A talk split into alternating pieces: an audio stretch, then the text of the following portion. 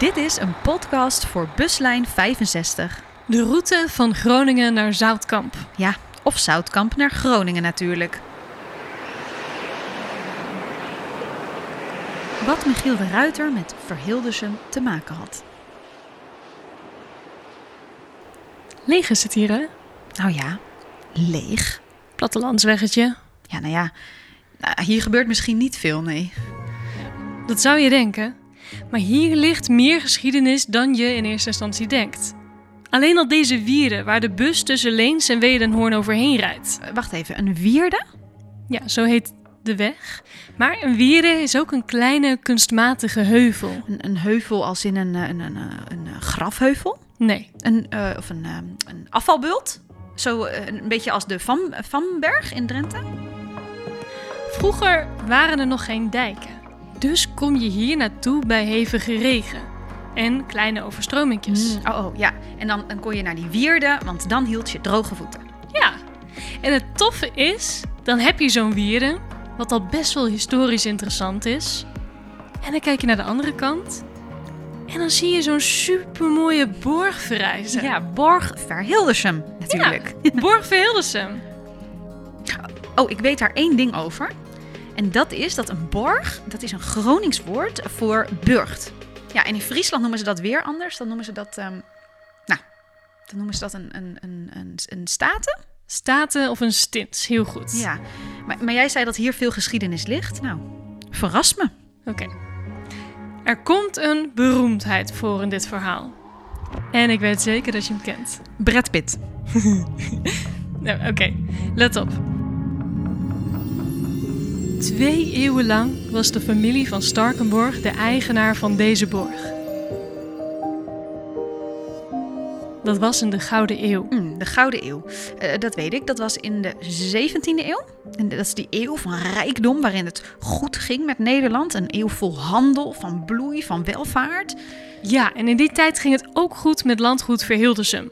Dat komt vooral door één van de erfgenamen, zoon Allard van Starkenborg. Dat was een belangrijke man, toch? Ja, onder zijn leiding kreeg Verhildersum meer status en beleefde het zijn gloriedagen. Die borg was heel belangrijk voor de provincie Groningen. En die Allard, die was ook lid van het Admiraliteitscollege in Amsterdam. Zeg maar het ministerie voor zeezaken.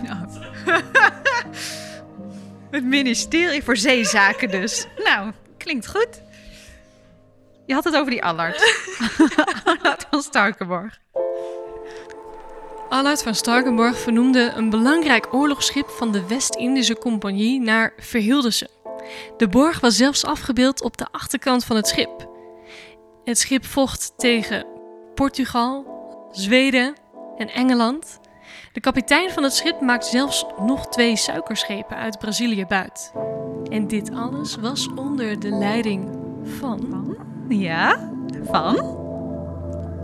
Michiel de Ruiter. Michiel de Ruiter. Ja, nou die ken ik wel. Dat is die, eh, die admiraal. De grootste admiraal van zijn tijd.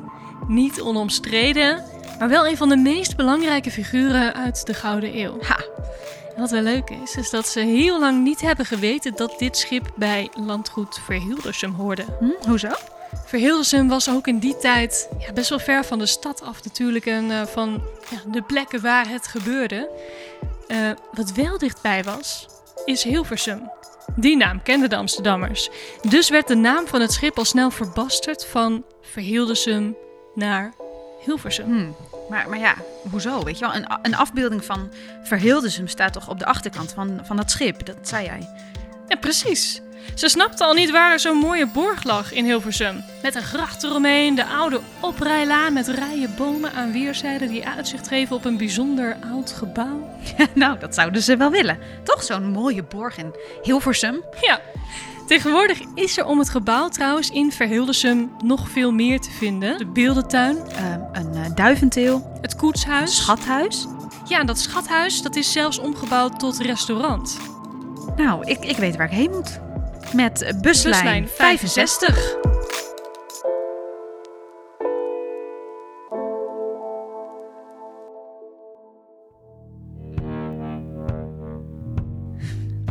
Wil je meer horen? Op Spotify zijn alle afleveringen van deze buslijn te vinden. En daar vind je ook nog andere podcasts van Cubus. De verhalen van reizigers en buschauffeurs bijvoorbeeld.